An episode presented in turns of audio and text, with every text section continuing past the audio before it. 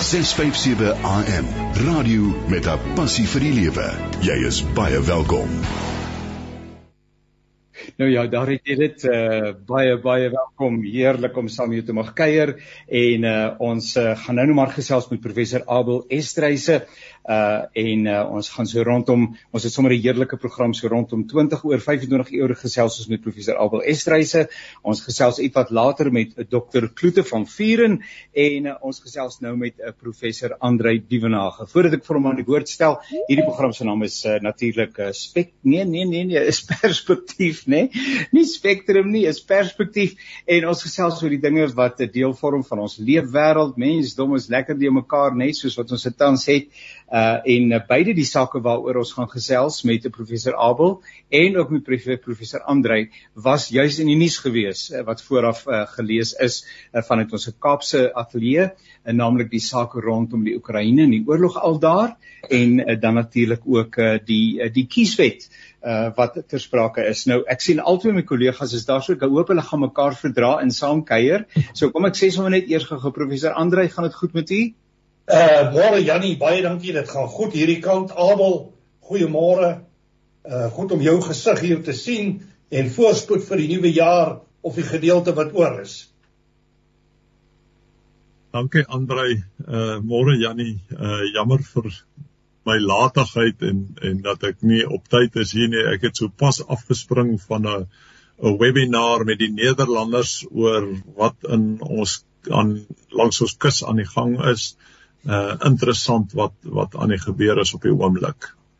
Nou ek is so so bevoorreg om twee uh uitnemende meningsvormers uh en ingeligte persone hier saam met mekaar te kan akkommodeer. Prof Andre, as ek eers met Prof Abel begin, is dit reg met u? Dit is 100% reg met my. En en neem asseblief vrymoedigheid want u deel eintlik maar uh, op 'n manier uh, ons deel eintlik hierdie wêreld met mekaar nie waar nie. En as haas nie 'n saak waaroor 'n ou nie 'n uh, perspektief het nie. So kom ons kom ons kuier lekker saam met hom. Ons gesels uh, ter aanvang met professor Abel Estreise en uh, die oorlog in die Oekraïne is opnuut op die voorgrond met die besoek van die Russiese uh amptenaar natuurlik aan Suid-Afrika en uh, sy besoek maak ongenooid sommer 'n hele aantal emosies los veral as 'n mens die hartseer lewensverlies en vernietiging van infrastruktuur en swaar kry van die mense van Oekraïne gadeslaan. Uiteraard is daar lewensverlies aan beide kante en ons harte gaan uit na families en kennisse van duisende Russiese soldate wat ewenigs smeuwel en gesneuwel het. En eh, soos ek reeds gesê het hier om saam te gesels professor Abel Estreise en hy is die 'n eh, navorsingsdirekteur by die Noordwes Universiteit. Nou weet ek nie prof, uh, het ek dit nou reg of is dit 'n ou benaming daarin? Nee, ek dink jy's met Andrei besig. o, o, hier is ek nou by Andrei. Nou hoe die uh, het ek nou vir Andrei hierso gesit? Ja, ja, uh, ek dink Abel is by Stellenbosch en ek is hier by Noordwes. Dis dis heeltemal reg. Ek sien sê ek het nou daai 'n stukkie ja. uh, akkreditasie het ek nou op 'n verkeerde plek geplak. Uh, uh so uh, prof Abel maak dit vir ons maklik. U is 'n uh, militêre strateeg uh en allerlei ander dinge posisioneer u self net weer 'n keer asseblief. Ja, ek is in departement strategiese studies by die Universiteit Stellenbosch. Fantasties. Nou professor eh, Abel soos ek reeds gesê het, die saak van die Oekraïne en Rusland uh, is in die branding uh ook met die besoek van uh, daardie minister van buitelandse sake uh Sergey Lavrov aan Suid-Afrika.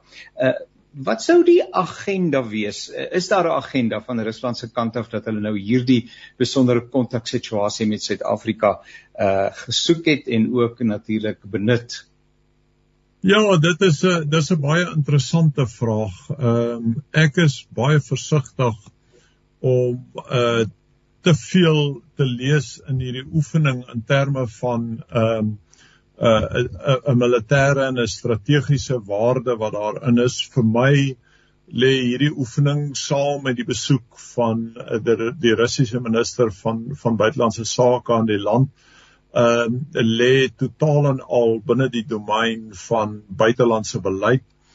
En ehm uh, ja, die vraag hier natuurlik wat 'n mens wil vra is wat is daar vir Suid-Afrika uh in hierdie militêre oefening en wat is daar vir Suid-Afrika in die besoek van die uh, Russiese minister van buitelandse sake. En 'n mens moet hier regtig ehm uh, sensitief wees oor die die tyd van die besoek en die tyd van die oefening in Februarie 2023 uh bykans 'n jaar na die die begin van die Russiese inval in in die Oekraïne. Ehm um, en ja, ek het gister was baie interessant William Komede Komede wat homself baie eksplisiet uitgespreek het oor ehm um, die besoek van die Russiese minister van buitelandse sake en en ek wil hom aanhaal in 'n in 'n artikel wat hy ehm um, deur die die Duitse koerant verskyn het waar hy gesê het South Africa's constitution is clear that our foreign policy must support human rights, democracy and freedoms around the world. South Africa's pro-Russia neutral stance in Russia-Ukraine war can be challenged in court as against the country's constitution. Wat vir my 'n baie interessante perspektief was en wat eintlik ehm uh, die belang binne die die die politieke konteks van hierdie besoek en en hierdie oefening plaas en miskien kan Andrei uh, meer daaroor sê. Ja, alhoewel ek ek stem 100% met jou ontleding saam. Nou ek is nou nie spesialis daar nie, maar as 'n ou militêre strateeg wat die goed aangebied het op koffsies, hou 'n ou maar so 'n belangstelling op die terrein. En ek wil 'n paar indrukke vir jou noem en ek sal ook graag jou kommentaar daarop wil hoor. My indruk op die oomblik is en ek tel dit wyd in die media op, is dat die Russe 'n bietjie in die moeilikheid inloop met hulle geveg in die Oekraïne. En dit is nie net militêr in die moeilikheid nie, dis ook polities. Trouens, ek het berigte gelees wat eintlik sê die wêreldekonomie kan nou sonder die Russe klaarkom om net te sê tot watter mate hulle geïsoleerd is. Nou as jy dit as 'n perspektief vat, dan lees ek Lavrov se besoek aan Suid-Afrika as 'n poging om daai isolasie te deurbreek maar ook om toegang te kry tot tegnologie en wat hulle benodig en wat van hulle verhoed word in terme van die westerse sanksies teen hulle op die stadium. Maar daar's 'n teenkant op die saak. Dis vir my die interessante een. Teen die einde van die Zuma era was ons baie naby aan 'n kernooreenkoms met die Russe ten opsigte van die voorsiening van elektrisiteit. En gegee ons huidige krisis, kan ek amper nie dink dat Lavrov en sy vennote in Suid-Afrika nie iewerster by kernkrag en by uh die voorsiening van kernkrag gaan uitkom en dit op sy beurt het weer verrykende implikasies in terme van die westerse politieke omgewing en strategiese risiko's En dit sluit aan by die punt waar jy vir Gumede aangehaal het. Maar in kort, ek lees die militêre oefening as baie van 'n kantlyn saak. Miskien 'n bietjie iets van 'n demonstrasie. Die werklike groot goed is die politiek diplomatieke goed wat bespreek gaan word met sy besoek. Andre, jy kon dit nie beter gestel het nie. Tewens dis presies die goed wat ek nou aan die orde gestel het sopas in 'n gesprek met die Nederlanders en ek het vir hulle was baie eksplisiet daaroor. Ek het vir hulle gesê wat ons sien ontvou in Suid-Afrika en en tussen Suid-Afrika en Rusland lê op die domein van Dirko, as ek dit nou so mag stel. Dit lê nie op die terrein van Suid-Afrika se verdedigingsbeleid nie en dis vir my soveel te meer belangrik wat jy sê as 'n mens dit plooi teen die agtergrond van die sogenaamde spookskip ehm um, aan Simonstad hier in Desember. Ehm um, en presies die die posisie waar in Rusland hom op die oomblik bevind en 'n mens moet dit ook plooi teen die agtergrond van die besluite wat die afgelope dag of twee in in Europa geneem is om juis die Oekraïne se hand nog verder te versterk met die voorsiening van tanks aan aan Rusland. Ehm um, natuurlik met 'n mens in ag neem dat op die oomblik ehm um, gaan ons deur die die winterseisoen in Europa en die winterseisoen is nie veldtog seisoen in Europa nie so beide kante is maar op die oomblik uh, in 'n in 'n baie moeilike posisie wat die die slagveld situasie aanbetref. Ehm um, ek moet dit sê in terme van Rusland se se se posisie in die oorlog op die oomblik miskien twee punte wat ek wil maak hier. Die een is dat 'n mens nie Rusland moet onderskat nie. Ehm um, Rusland is uh het ons al by verskeie kere gesien deur die geskiedenis het 'n vermoë om om op te staan ehm um, en en terug te kom. Ehm um, daar's iets in die strategiese kultuur, die Russiese strategiese kultuur ehm um, wat maak dat hulle ehm um, baie swaar kan dra en en en kan opstaan ehm um, uit die uit die uit die as uit so so uh, uh, om dit nou so te stel. Dis die een punt wat ek wil maak. Die ander punt wat ek wil maak is dat Rusland werklik 'n uh, 'n uh, gaping gevind het, 'n uh, 'n 'n kwesbare punt gevind het in Oekraïne en dat hulle dit uitbuit deur die missiel aanvalle wat hulle nou op die Oekraïne die hele missielveld of waarmee hulle hmm. besig is om die Oekraïne baie ekonomies baie skade aan te rig met die vernietiging van hulle infrastruktuur uh en dat Rusland ehm uh, lyk dit vir my ehm um, poog om strategiese uh, munt te slaan uit uh, die gebruik van van die die uh die die die veldtog nou op 'n op 'n meer strategiese vlak want daar's geen twyfel en Andre hier is jy absoluut korrek dat Rusland op die slagveld in die moeilikheid is nie. Hulle hulle mannekrag uh is nie op die standaard van die uh van die Oekraïense mannekrag, militêre mannekrag nie. Hulle het 'n motiveringsprobleem. Hulle mense is nie opgelei nie. Ehm um, hulle mense is nie toegerus nie. Ehm um, Rusland sukkel om op 'n operasionele vlak met ehm um, 'n veldtogbeplanning van die grond af te kom. Hulle is maar besig om van een geveg te ploeter na 'n volgende en op een hulle kry by geveg na geveg ehm um, 'n hoop in neus.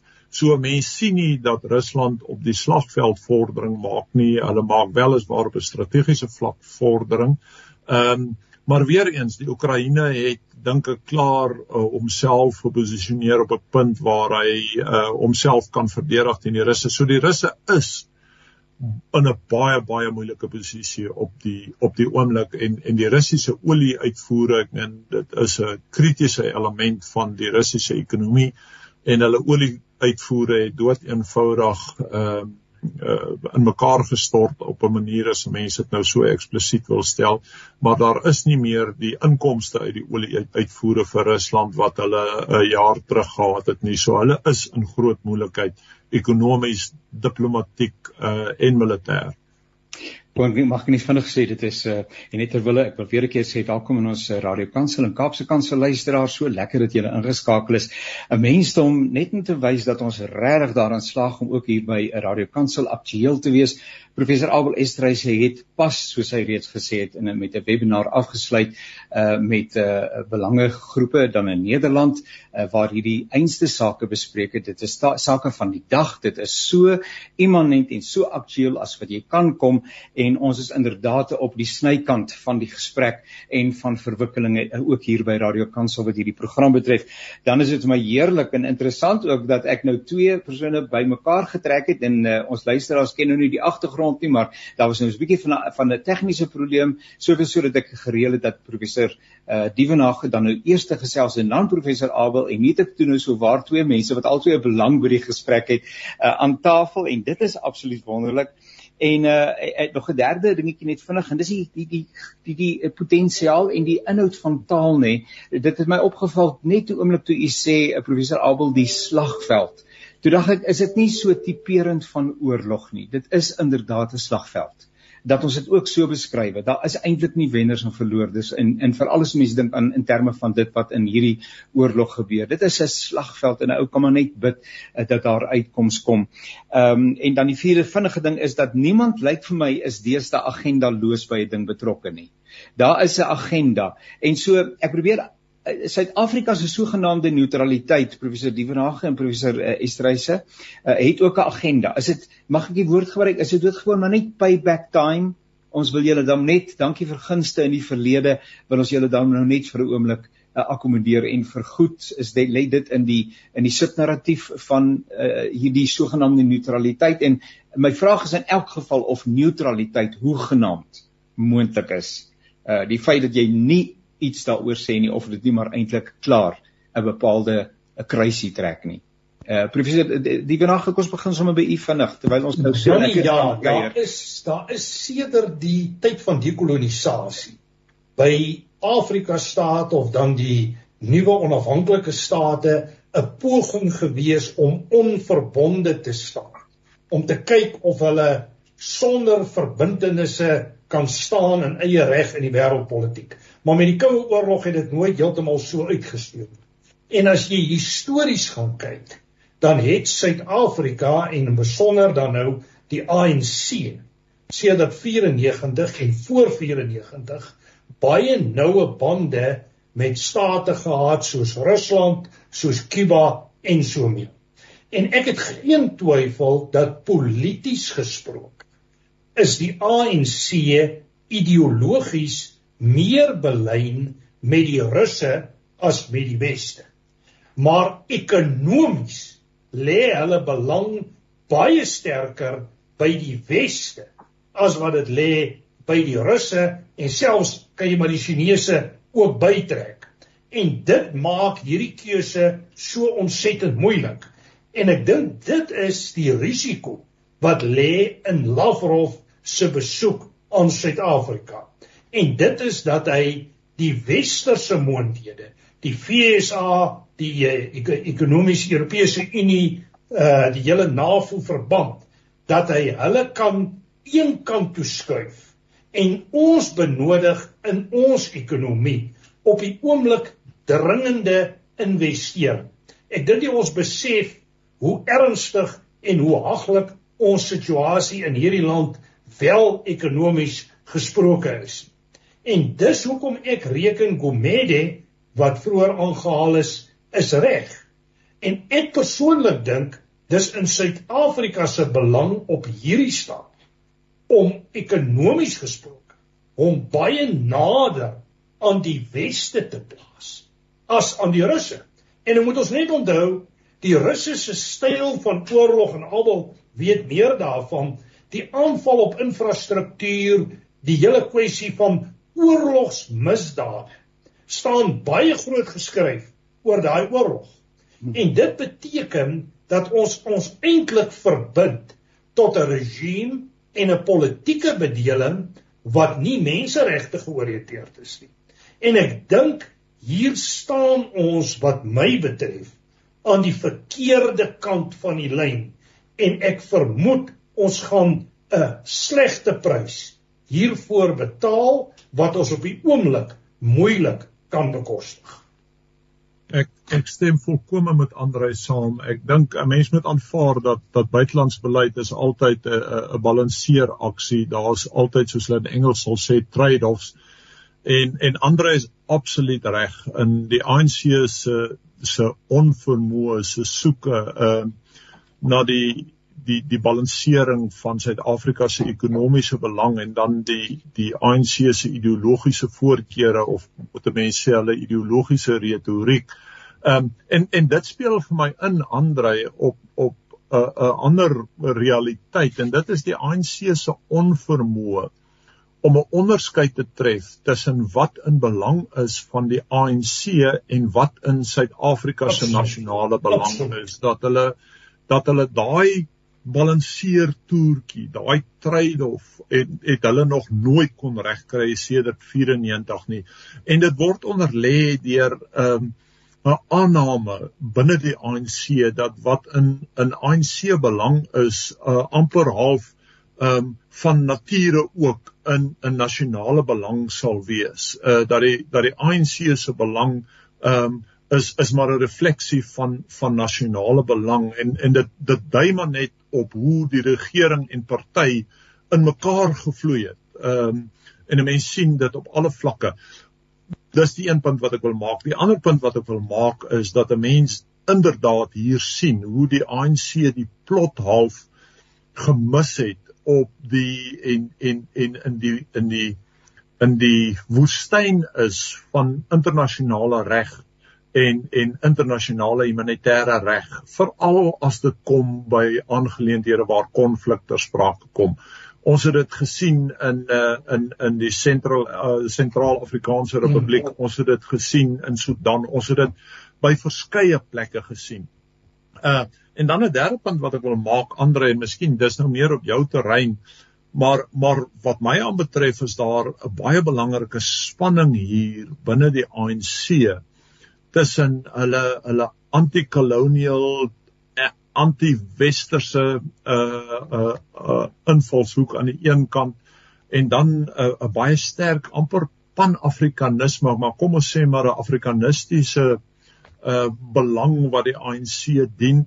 En dan die die die hele idee van van demokrasie en dat hulle dit baie moeilik vind om hierdie realiteite met mekaar te balanseer omdat die oomblik as jy oor demokrasie en 'n vrye mark uh ekonomies uh, ekonomiese stelsel begin praat dan plaas dit jou by implikasie binne die die die meer westers georiënteerde ekonomieë binne die die die dampkring van van die demokratiese wêreld. Ehm um, terwyl die ANC as as politieke entiteit uh en sy sy antikoloniale en en anti-westerse en en en afrikanisme afrikanistiese standpunt ehm um, homself dan nou intrek rondom ehm um, baie interessante uh konglomeraat van state in die wêreld waar Rusland, Kuba, ehm um, die die China ehm um, en dan natuurlik die Palestynë en ou kan hierdie lys baie lank maak, maar dat dit eintlik 'n 'n inherente spanning binne die ANC skep en en dis 'n spanning wat hulle eh, sedert hulle aan bewind gekom het nog nooit regtig kon balanseer nie. Kan ek kan ek vir u vra, ehm um, en ons tyd hier loop nou so vinnig uit, maar ek tog nou die gedagte hier by my, ehm um, jou minister van buitelandse sake is tog 'n baie baie strategiese en belangrike portefeulje. Nou in ons wat het ons in ons minister uh, Naledi Pandor as ek dit reg het uh, as minister van buitelandse sake is dit uh, en en nou praat sy uit die aard van die saak sekerlik subjektief maar het ons die regte persoon in daardie posisie? Ek vermoed dat daardie persoon moet verwoord wat beleid is van die heersende politieke party en tog is daar seker ruimte vir 'n bietjie uh, 'n bietjie eksplorasie en nuwe ensovoorts ensovoorts. Wat het ons in ons minister van buitelandse sake Ja, ja, die, ja, as as ek miskien daai lyn vinnig kan inkom, ek dink op die oomblik ons in 'n fase waar die president sy kabinet en sy beleids uh, omgewing baie drasties herbekyk. En wat die kabinet betref, dink ek gaan ons in die afsienbare toekoms skuwe sien.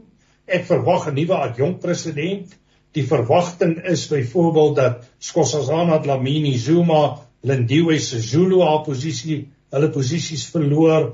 Ons kyk daar Fikile Mbalula wat die posisie moet opneem van sekretaris-generaal. Maar kom ons praat nou spesifiek oor die minister van buitelandse sake. En Abel moet ook maar vir my sê ek ek kyk nou vanuit 'n binnelandse oogpunt. My indruk is dat sy nie 'n minister is wat 'n sterk indruk maak, 'n sterk rol speel om Suid-Afrika se buitelandse beleid as dit ware te definieer en van die verhoë af te verkondig. Sy word op 'n manier 'n slagoffer van Abel dit wat jy vroeër beskryf het, hierdie grys omgewing waar niemand sterk standpunt inneem nie. Vandag sê jy A om by hierdie belang te pas, môre sê jy B by daardie belang. Kortom, kom ons sê dit vir mekaar reguit, ek dink nie sy's 'n goeie minister van buitelandse sake nie. Prof. Ja, Abel, ek het julle 'n stoute vraag gevra. nee, ek ek wil baie graag antwoord hier omdat ek het maandag aand na professor Jannie Resou geluister waar hy op uh, kyk net gepraat het oor oor die uh, ANC se ekonomiese beleid en hy was aks, uh, eksplisiet uh, het hy die punt gemaak dat ons 'n fout maak as ons dink die ANC het ekonomiese beleid. Nou ek wil nou half stout wees hier en uh, die punt maak dat ons 'n fout maak as ons dink die ANC het buitelandse beleid. Hmm. As jy kyk na die publikasie wat hulle verlede jaar gepubliseer het, Dirko spesifiek, uh, waarin hulle gepoog het om Suid-Afrika se se buitelandse belange, uh, sogenaamde foreign policy interest te omskryf. Ehm um, dan is dit 'n dokument wat wat so wyd is uh soos soos genade. Ehm um, jy jy kan alles daarin lees en jy kan alles vind daarin om om almal gelukkig te hou uh wat jy wat jy gelukkig wil hou. Daar's geen fokus nie. Daar's geen proses daar nie. Ehm um, so ons maak 'n fout as ons dink die ANC het het het beleid wat hulle ten uitvoer bring. Ek het ver oggend uh, in 'n vroeëre aanbieding die die woord gebruik van adhocracy. En wat ek hier sien in terme van die ANC se buitelandse beleid is wat ek wil noem adhocracy. Dit is 'n ad hoc manier van ehm um, Suid-Afrika se se buitelandse belange probeer uitbou. Ehm um, maar maar ek dink nie ehm um, ek sien nie hier 'n gekoördineerde beleid wat op beginsel staan wat die ANC ten uitvoer wil bring. Miskien kan Andrei daarop reageer. Prof Andrei, well, uh, alhoewel as ek vinnig net kan sê, verskil glad nie van jou nie. Jy's 100% reg. En ek dink dit hou ook breër verband met die hele konteks van 'n verswakkende staat van 'n ANC wat 'n klomp belange moet akkommodeer en probeer tevrede hou. En ek dink die Ramaphosa leierskap uiteindelik gaan histories gekenmerk word deur sy pogings om kompromieë te sluit tussen al hierdie groepe uiteindelik nêrens uit te kom met enige iets nie en uiteindelik gaan ons in 'n situasie sit wat die land al hoe verder oor die afgrond neem dit in 'n tyd terwyl ek glo ons eintlik fundamenteel moet hervorm op talle vlakke van die samelewing, die politiek, die ekonomie met inbegrip die ANC en ek verstaan meer daaronder as hulle konsep van renewal. Maar absoluut reg met die standpunt dat die ANC se beleid is nie duidelik nie, dis pragmaties. Ek hou van jou woord van die ad hoc benadering as hulle met Biden praat sê hulle A, as hulle met Lavrov praat, dan sê hulle B en dan ja. sê hulle ook moet my nie verantwoordelik hou vir wat ek vir die ander een sê nie. En ons in die weste soek iets van 'n konsekwentheid. Jy moet met iemand 'n gesprek aanvoer waar jy weet jy staan met daai persoon op 'n sekere punt en ek dink dit is afwesig en die hele ANC dinamiek verklaar dit tot 'n groot mate. Kollegas, uh, ek sal dit daarby moet haltroep. Dit is 'n uh, absoluut heerlik dat ek uh, dat ons mekaar nou so uh, kon raakloop rondom een tema. En uh, professor Abel uh, Estreise en professor Andre Dievenage duisende dankies. Prof. Andre ons sal oor die kieswet 'n volgende keer gesels. En uh, prof uh, Abel ons kuier gereeld saam om uh, te hoor wat die uh, verwikkeling in die verband is en uh, wat die prognose is vir die stryd wat daar uh, tussen Rusland en uh, die Oekraïne gevoer word. Baie baie dankie vir u betrok, betrokkenheid en deelname. En mag u 'n heerlike en 'n rustige dag beleef. Baie baie dankie. Dankie Jannie, dankie Abel. Dankie. Nou ja, so gesels twee meningsvormers, eh, ook mense wat uit die aard van die saak met gesag kan gesels oor eh, die situasie eh, daar in Oekraïne, die oorlog tussen Oekraïne en Rusland en dan met name ook die besoek van die Russiese amptgenoot, die minister van buitelandse sake, Sergey Lavrov wat op die oomblik natuurlik groot nuus is en uh, wat dit mag beteken, wat daar agter mag lê en alles wat daarmee 'n uh, verband hou. Nou ek is bevoorreg om te gesels en ek wil net seker maak dat ons vir mekaar hier wel raak hoor met Dr Kloete van Vuren en voor ek vir hom voorstel dat ek net seker maak dat uh, Dr Kloete vir ons kan hoor. Dr Kloete, is u daar? Ja, nee, ek hoor baie duidelik, dankie. Baie baie dankie uh, eh, Dr. Kloete van Vuren. Nou uh Dr. Kloete van Vuren is die hoof van die departement van interne medisyne, maar hy gaan nou vir ons net 'n beter benaming gee want ek het hom bietjie anders raak gelees in die media. Hy's verbonde aan drie militêre hospitaal, maar net voordat ek vir hom vra uh wie hy is en waar hy inpas, uh kom ek gee net 'n uh, inleiding hier. Die wêreld wil klaarmaak met COVID-19, maar dit blyk nie asof uh, COVID met die wêreld wil klaarmaak En in die jongste verlede het ons gehoor van duisende mense wat in China gesterf het. Ons neem kennis van 'n uh, variant van Delta as ek dit reg het wat nog meer aansteeklik is en aggressief is as sy voorganger en dan lees ons hier en daar dat daar nuwe COVID gevalle in Suid-Afrika is. En dis dis daaroor wat ons met mekaar gaan saamkuier. Ek uh, Dr. Kloete baie dankie dat u 'n uh, tydjie 'n uh, een kan sit om met ons saam te kuier net vir ons uh, is verbonde aan drie militêre hospitaal en uh, net so 'n bietjie van u eie konteks en posisie daar. Ja, nee, kyk, so ek is 'n uh, spesialis internis met 'n uh, uh, subspesialisasie in infeksie siektes en ek is in daai onderwys by die Universiteit van Vryheid se uh, fakulteit geneeskunde ook betrokke as 'n as 'n lektor in infeksie siektes. Ehm um, maar my kliniese werk is dan uh, uh, algemeen interne maar met 'n fokus op infeksie siektes. Nou nou uh, uh, Dr. Kloete, ek weet nie of mense dit ooit kan sê en en kan kan bepaal nie, maar sommer dan nou net 'n uh, uh, tong in die kies vraag. Nou waar staan ons met betrekking tot COVID in die wêreld? Uh is ons besig om aan die wenkant te kom en om dit op sy regte plek te kry of is COVID 'n tipe ding wat ons talle tel telkens weer verras? Nee, ek dink mense moet die konteks nou net reg kry. En ek dink mense moet begin waar waar die hele ding begin. Ja. So toe hierdie virus losgebars het in die wêreld. Ehm um, en ek dink daar's baie misverstande daar, maar as ek die die perspektief so kan maak. Daar is koronavirusse wat elke jaar vir mense verkoue gee.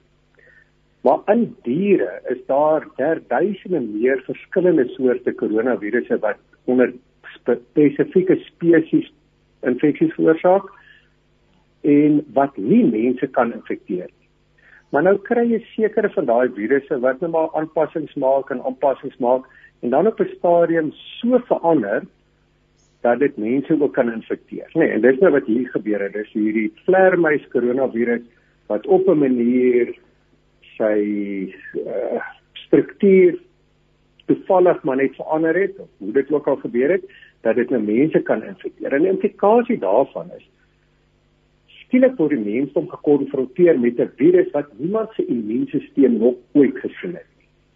Ja. En nou veroorsaak dit ernstige siekte. Ehm um, en mense gaan dood daar.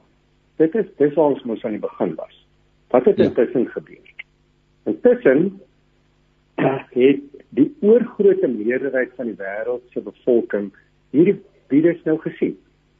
Ja. En die immuunstelsel weet min of meer hoe om dit te hanteer al verander die virus dan al muteer dit 'n bietjie. Hy het al iets wat soortgelyk is daarin al gesien en hy kan vinnig uitwerk hoe moet hy hierdie ding nou hanteer. Ja. En daai immuniteit wat ons nou het ons nou gekom deur of immunisasie wat effektief en veilig is of teen 'n baie hoë prys met natuurlike infeksie want as jy daar was geweldige klomp sterftes as gevolg van die natuurlike infeksie en lang COVID en ander probleme. Maar ons sit nou in 'n situasie waar die oorgrootste meerderheid van die wêreld se mense se immuunstelsel weet hoe lyk hierdie virus amper of ander 'n bietjie en daarom is dit nie meer so groot probleem. En daarom as 'n mens nou en ek dink nie ek het dit al 'n paar keer gesê mense weeg nie die sterftes van die infeksie op teen die ekonomie nie. Nee, want as iemand die ekonomie skade ly, iemand gaan honger dood, gaan hy dood, weet jy. So jy neem ja. sterftes van die infeksie teenoor sterftes van die ekonomiese skade te mekaar op. En in die begin was dit baie duidelik dat daar baie meer sterftes van die infeksie gaan wees. Ja. Ehm um, maar nou dat ons 'n effektiewe inenting het, baie mense het met infeksies immuniteit gekry. Is daar geen kans meer dat ons daai hoeveelheid sterftes kan sien nie, maar as jy nou daai drakoniese maatreëls wat jy in die begin gehad het, nou gaan toepas, gaan mense van honger dood. En daarom ja. ek dink nie ons sal ooit weer met hierdie koronavirus dieselfde sien dat hulle die hele wêreld se ekonomie toemaak. Nee, dit is totale sinneloos. Ehm um, en dit is nie nodig nie uh, en daar's geen waarde in om te doen. En ek dink dit is waar ons nou staan met hierdie COVID-19 infeksies. Net nou nou Dr. Kloete baie dankie. Ehm um, ehm um, China se bevolking is natuurlik eksponensieel uh baie baie groter as uh, as as baie wêrelddele. Ehm um, en maar maar daar was tog in die afsien in die uh, net afsienbare tyd verlede ehm um, aansienlike sterftes gewees Uh hoekom ehm um, hoekom sou dit wees? Het het hulle nie die immunisering uh, deurgaan nie? Het hulle 'n ander plan gehad? Is dit die uh, daardie uh weerstandigheid wat 'n mens uh wat is die regte woord wat u gebruik het uh, dat jy self immuniteit opbou wat afwesig is by Shin? Hoekom kry hulle so swaar?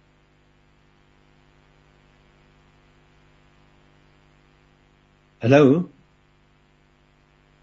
Nee, dit lyk vir my ons het vir 'n oombliekie vir Dr Kloete verloor. Uh I'm going to ask my brother uh just to reconnect Dr Kloete van Vieren and give me an indication when he is there.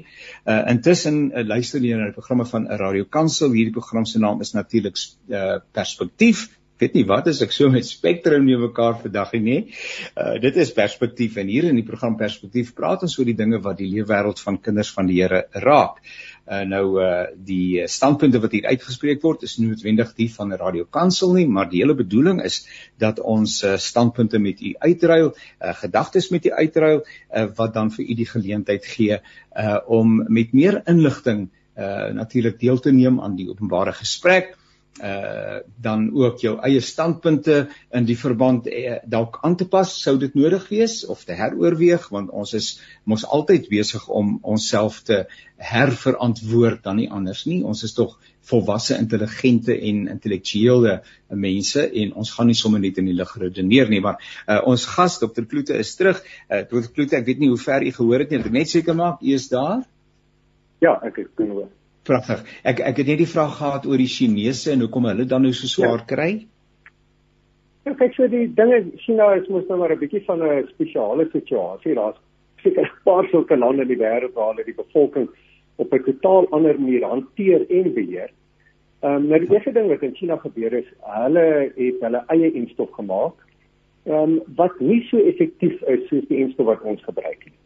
Ehm um, ek dink dit is die eerste ding. Tweedens het hulle die geweldige streng inperkings gehad wat gekeer dat die infeksie hoegenaamd onder die bevolking versprei. En dan moet jy hulle gedrag ook verstaan. Ehm um, hulle vertrou self nie hulle eie regering nie en daar was geweldige wantroue teen hierdie Chinese en en dink so, so baie van die mense het nie eers van in het. Ehm um, ja. en met die gevolg nou dat dinge vir die ekonomie baie swaar begin raak en hulle besef hulle sal nie permanent hierdie geweldige streng inperkingsmaatreëls kan handhaaf nie. Mense kom in opstand daarteen en hulle skielik alles verslap het, het ons 'n geweldige toename in infeksies gesien. Ehm um, en dis net nou maar die rede daarvoor.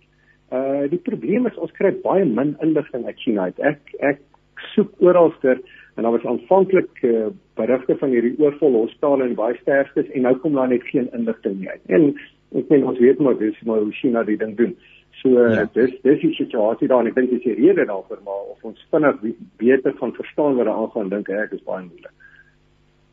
Is dit nodig dat mense nog selfs op hierdie stadium selfs mense wat nie geïmmuniseer is nie dat hulle aanmeld vir vir die vaksinne of is ons nou uh, wat hierdie ehm um, weerstandigheid betref en alles wat daarmee saamhang op 'n plek waar dit nie meer nodig is nie? En nou daar is al sprake van dit was 'n eerste ehm um, vaksinne inspuiting en toe was daar 'n tweede en toe was daar nou sogenaamd boosters en weer 'n booster. Waar staan ons ten opsigte van hierdie saak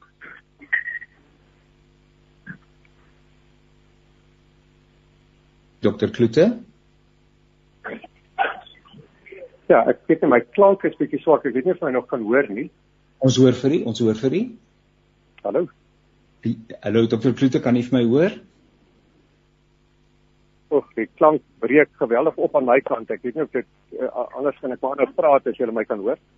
En ons ons hoor vir u so praat maar en en ek sal vir u ja. sê uh, die vraag is rondom moet ons nog immuniseer uh, en hoeveel moet ons kry? So in in terme van die enstof. Ek dink ons moet vir mekaar 'n paar goed sê. Die enstof weet ons is geweldig veilig. Daar is oor genoeg data ten spyte van al hierdie bangmaak stories en om die waarheid sê leuns wat versprei word. Ek meen ek ek het al begin dink weet die mense net eenvoudig nie of versprei hulle doelbewus lees en ek moet sê my gevolgtrek dit dis doelbewus te lees.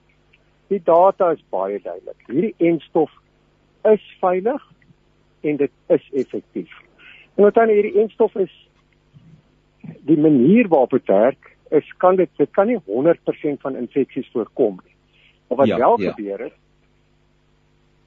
sien maar dit voor, voorkom 30% 'n derde van infeksies, so 30%. Dit ja. beteken dis 30% minder mense wat rondloop en ander aansteek. So daar sal klaar groot voordeel daar uit. Maar dan weet ons dat die wat wel siek word en ingeënt is, se kans om in die hospitaal te beland is seker hier tussen 60 en 80% minder as iemand wat nie ingeënt is nie. En van die wat sou as mense wat die infeksie kry sonder dat hulle ingeënt is, ehm um, se kans om dood te gaan. As hulle ingeënt is, neem jy maak jy daai risiko om te sterf selfs in ouer mense, selfs in mense met onderliggende siektes met tussen ja. 90 en 95% minder. En ek dink dit is die groot waarde van hierdie inentings. En dan weet ons ook hierdie sogenaamde lang COVID of die komplikasies van die COVID, die, die hartaantasting en daai al al daai goed, hoe ernstiger jy siek was, hoe groter is die kans dat jy kry. En as ja. ek dan sê die die inenting maak die kans dat jy sterf baie minder, dit maak die kans dat jy in 'n intensiewe sorgeenheid van beland baie minder, dit maak die kans dat jy in die hospitaal van beland baie minder, dan beteken dit ook dit maak die kans vir die langtermyn komplikasies ook baie minder. Ehm um, en ek dink dis die konteks waarmee jy inentings moet insien.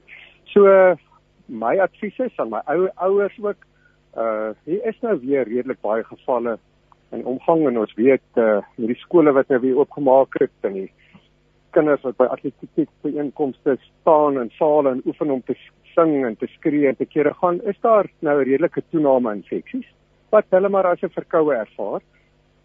Maar dan versprei dit in die gemeenskap en ouer mense die risiko om daaraan blootgestel word. So as jy nog nie jou volle reeks inentings gaan kry nie, gaan doen dit. Ek dink jy doen dit vir jouself, jy doen dit vir niemand anders nie. En ons hoor vir die mooi uh uh Dr. Kloete so ek kan maar ek kan maar gesels. Ehm um, uh, mense sou en ek probeer ietsie van die vrese uh, wat daar by mense is op 'n manier nie besweer nie, maar op 'n manier uh beantwoord want dit is so dat ja. daar by sommige mense voorbehoude is en uh mense het die reg om hulle eie voorbehoude te uh nuanceer en uh, te te verbaliseer. Ehm um, een daarvan sou wees ek het in die artikel gelees wat uh, op netwerk 24 verskyn het waarin hulle met u gesels het. Er word verwys na twee van die enstowwe wat verwyder is van die mark. Ehm um, die die vraag is uh, so hoekom sou hulle iets wat want ek vermoed dat dit skadelik is en dat dit nie gesond of dat dit nie uiteindelik effektief is nie. Hoekom met ander woorde dit verwyder nadat dit reeds aan mense toegedien is in die eerste plek En hoe weet 'n mens dan nou dat onder andere byvoorbeeld Pfizer nie op die langer termyn ou met 'n skok gaan agterkom nie, maar dit was toe nou nie uh die regte ja. ding en van dit wat vandag uh en ek dink doodgewoon vanuit 'n groot mate van 'n uh, gevoel van onveiligheid aan COVID toegeskryf word en of met name aan die die die vaksines toegeskryf word uh dat dit nie later van tyd blyk maar kyk hier dit is inderdaad toe nou uh, julle het reeds ja. nodig gevind ja. om twee van die goederes te verwyder. Julle is nou sommer net generies bedoel. Uh, sê nou maar net hierdie Pfizer of wat ook al nou ja. toe gedien word word uiteindelik ook geweg in te lig bevind. Ja, kom ons mens moet dit nou mooi omskryf, nee.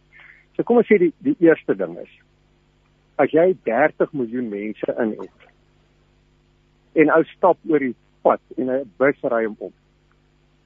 Uh het dit ek meen daar's loop elke dag oor die mense oor die pad en iemand word raak gery. Maar omdat hy ja. Nou ingeënt is, nou word dit aan die inenting toegeskryf, nee. So ons moet baie versigtig wees en en dis die probleme. Ou soek as iets met jou gebeur 'n onmiddellike verklaring. Um en so iemand word siek en hulle sê maar ek is ingeënt en nou skryf nie inenting toe. Um die manier wat die wat mense daarna kyk is te sê hier is so 1 uit 'n miljoen mense wat sê net maar hierdie soort kanker kry. Nou is jy 30 miljoen mense ingeënt. Ja. As ons verwag dan dat daar 30 mense hierdie kanker sal kry, Wat niks met die inenting te doen nie, wat sê maar so een uit elke miljoen kry dit. Ja. Maar as jy hulle nou opvolg en jy sê, luister, maar hier is nou 100 mense wat hierdie kanker kry uit die 30 miljoen. Nou weet jy mos nou iewers hierse probleem ons kry dit in die inenting toe. Nou onthou ons is nou 2 jaar in hierdie ding. Ou laat ek voor ek dit sê. Inenting se neeweffekte. Dis maar hoe die immuunstelsel werk. Mens sien dit in die eerste 2, 3 weke en dan miskien 'n maand na die tyd. Dis selde of ooit dat daar langer as dit probleme is. Maar nou weet ons hierdie daar's nou mense wat al oor die 2 jaar lank ingeënt is. Dit is baie langer as dit by die uh enstop beskikbaar is. En die goed word baie noukeurig opgehou en ek kan julle versekering gee. Daar is geen toename in enige probleme langtermyn. Um meer as wat die infeksie veroorsaak, nee. So so dis hoe mense kyk na hierdie goed. Terug te kom na die enstof wat van die mark af verwyder is. Ja. As ek nou vir jou die, keuse gee. Hier's 'n ou bakkie of hier's een van hierdie spiksplinter nuwe BMW's. Ok, kom ons aanvaar nou die paaie is mooi glad en jy bly nie beplaas nie. Ehm um, jy jy kan een van die twee kies. Ja. Maar ek sê vir jou vir jou kos dit presies dieselfde. Jy hoef nie meer te betaal vir die een of die ander een nie. Dit kies net vir jou een. Dan ja. gaan jy die aard nie saak die BMW vat, nee. En dis net wat ja. met hierdie enstof gebeur het. Daar was die J&J, die AstraZeneca en daar's daar's sekere bewese voordele en hulle gee waarskynlik bietjie langer immuniteit die J&J en AstraZeneca. Maar daar was hierdie neeweffekte. En onthou nou net dat ek dit net baie duidelik stel. Daai neeweffekte wat ons gesien het met beide die J&J en die AstraZeneca, sien jy ook met COVID-infeksies. Dis net met die COVID-infeksies is dit baie baie meer algemeen en ernstiger gewees. Maar okay, goed, dit daar gelaat. So nou is aan die nuus nuus meer daar hierdie uh is almal bewus van hierdie ehm um, neeweffekte van die J&J en die AstraZeneca. Nou sien ons jy kan kies J&J, AstraZeneca of die Pfizer. En die ja. Pfizer is baie duidelik baie minder neeweffekte, baie veiliger en werk op 'n ander manier baie beter. Ja, en daarmee reg oor die wêreld het mense of regerings gesê maar goed, ons koop nie meer hierdie aan nie, ons koop nou die Pfizer aan. Nou ja. kom jy by Afrika lande en jy sê vir hulle luister, ehm um, ons almal in Europa gebruik Moderna en Pfizer. Ons gee nou vir julle die AstraZeneca en die J&J wat ons nie wil hê nie. In die aard van saak het jy mos nou moeilikheid. So dit kon hulle ook nie doen nie en nou kry almal die Pfizer. So dit het suiwer gegaan oor hier's hierdie uh media opinie en 'n groot baie en toe die dinge maar net eenvoudig skuif en die mense gesê ons wil die BMW hê. Dit kos ons presies dieselfde so moenie eers kom met hierdie ander storie ons betaal nie daarvoor nie. Daar wil ons die Pfizer hê. En die vraag vir die J&J en die AstraZeneca het net totaal opgedroog en naby die maatskappy sê maar ons gee 'n fabriek oop om iets te vervaardig wat niemand ons wil koop nie. Ja, en dis hoekom ja. dit ophou. Nie omdat iemand agtergekom het dit is verskriklik skadelik en uh al hierdie ander nonsens nie. Nee, nee, ek kom weer terug na my punt. Jy weet ek dink as ons eerlik met mekaar praat, dan moet ons eerlik wees. Maar om leuns te vertel om jou standpunt te probeer regverdig. Ek ek dink dit is onaanvaarbaar. Jy weet, en, kan ek vir jou 'n paar voorbeelde gee? Ek ek al hierdie videoetjies in WhatsApp goed en word na my toe aangestuur. Ja. Nou hoor ek hulle sê nee maar hier's hierdie uh webwerf of Facebook bladsy waar hulle al hierdie derduisende bekende mense wat aan die enstof dood is se name opsit. Dis absolute nonsens. Daar's byvoorbeeld onder daai lys name was daar 'n klomp Kanadese dokters wat sogenaamd aan die vaksin dood is. So wat gebeur het, hulle het begin met die inentingsveld tog uh in Kanada en toe publiseer hulle 'n klomp dokters se name wat dood is kort daarna en skryf dit in die vaksin toe. En ja, ek meen daar's goeie joernaliste en uh, daar's baie mooi publikasies geskryf en wat hulle het al hierdie goed gaan kyk. En vir elkeen van daai dokters was daar baie goeie redes. So hulle was terminaal siek aan kanker, hulle chemoterapie opsies is uitgeput. Ehm um, Maar hulle wil nie aan COVID doodgaan nie. Nou gaan eintlik ook maar en hulle skor daarna soos verwag is hulle nou dood. 'n Paar ja. van die dokters het selfmoord gepleeg. Die ene ou se in 'n motorongeluk dood. Vir elkeen van hulle was daar baie goeie redes. Niks met die vaksin te doen. Hoekom hulle dit met hierdie mense dit as vaksiensterftes. En vir dieselfde prys het hulle hierdie lang lys van sportmense wat skielik doodgaan. Nou ja, as jy daai naamlys deurgaan, die eerste van al is daar's van hulle wat glad nie dood is nie en wat lewe en wat niks mee gebeur het nie, maar hulle word gelys op daai lys. En vir die wat wel dood is, weer eens, was daar baie goeie redes niks met die inentings te doen. Die een is in 'n rooftog doodgeskiet. Dan word dit aan die vaksin toegeskryf. Jy verstaan en en dit is klein leuns. En as jy van sulke goed moet gebruik maak om jou standpunt te verdedig, ek ek meen dan dan kan ons mos nou nie om dieselfde tafel sit en dit goed bespreek nie. Inderdaad, dit is uh, eh, Dr. Kloete van Vieren en hy's verbonde aan drie militêre hospitaal. Uh hy's 'n kenner op die gebied uh wat dit betref en weer 'n keer uh ook hierdie insets doodgewoon ter wille van perspektief. Uh ons het die grootste waardering en respek vir elke mens se keuse uh vryheid en uh en 'n mens weeg die alternatiewe te mekaar op en jy sê ek het 'n standpunt en jy leef in jou standpunt saam. So liewe luisteraar, uh, uh sien dit ook asseblief in daardie lig. Maar uh hier het nou uh, bepaalde inligting na vore getree en ek dink ek het dalk net 'n sekond om net vinnig hierdie getuienis te lees en ek lees dit doodgewoon omdat ek uh, met hierdie persone onderhoud gehad het en dit toe ter sprake gekom het. Ehm um, en ek gaan nie die persoon se naam aanhaal nie, maar ek gaan dit vinnig lees. Die persoon sê ek het siek geword voor ek die vaksines kon kry. Ek was te jonk om die jab te kry. Nou eh, op 'n stadium was mos nou eers die ouer mense, nê? Ek glo ek sou dit steeds gekry het. Dit is nou die siekte met die jab, maar sou waarskynlik nie 2 maande op 'n respirator, 2 maande in 'n koma, 3 maande in ICU 4 maande in die hospitaal en 6 maande in die bed gehad het as ek die jab gehad het nie. Ek moes amper op 59 weer leer loop wat regtig nie 'n grap is nie. So gaan die jab COVID verhoed? Nee, gaan dit jou siektes intensiteit verminder? Ja. Sorry vir die lang relaas, maar ek kan met redelike gesag oor COVID praat. Ek was 4 keer amper deur die poorte in die 4 maande in Eugene Marais. En uh dit is regtig nou die laaste wat ek kan sê want ons tyd is verby, maar ek sê maar net hier is 'n bepaalde getuienis en ewe seer sou daar seker ander getuienisse ook getuienisse ook kan wees. Dr. Kloete van Vieren, dankie vir die deelname. Ja, Dominee, nee, baie dankie. Waardeer dit. En ons kuier miskien in die toekoms weer by mekaar waar ons redelikheidshalwe dalk ook 'n ander stem het en ons 'n bietjie op 'n lekker informele vlak met mekaar verder saamgesels. Seënwense vir u, seënwense aan ons luisteraars. Baie dankie vir die inskakel. Thank you Paul for the technical assistance uh, in making this program possible en onthou dat hierdie program beskikbaar is as 'n potgooi by www.radiokansel.co.za en jy gaan kyk by potgooi uh, perspektief. Tot 'n volgende keer. Alles wat mooi is.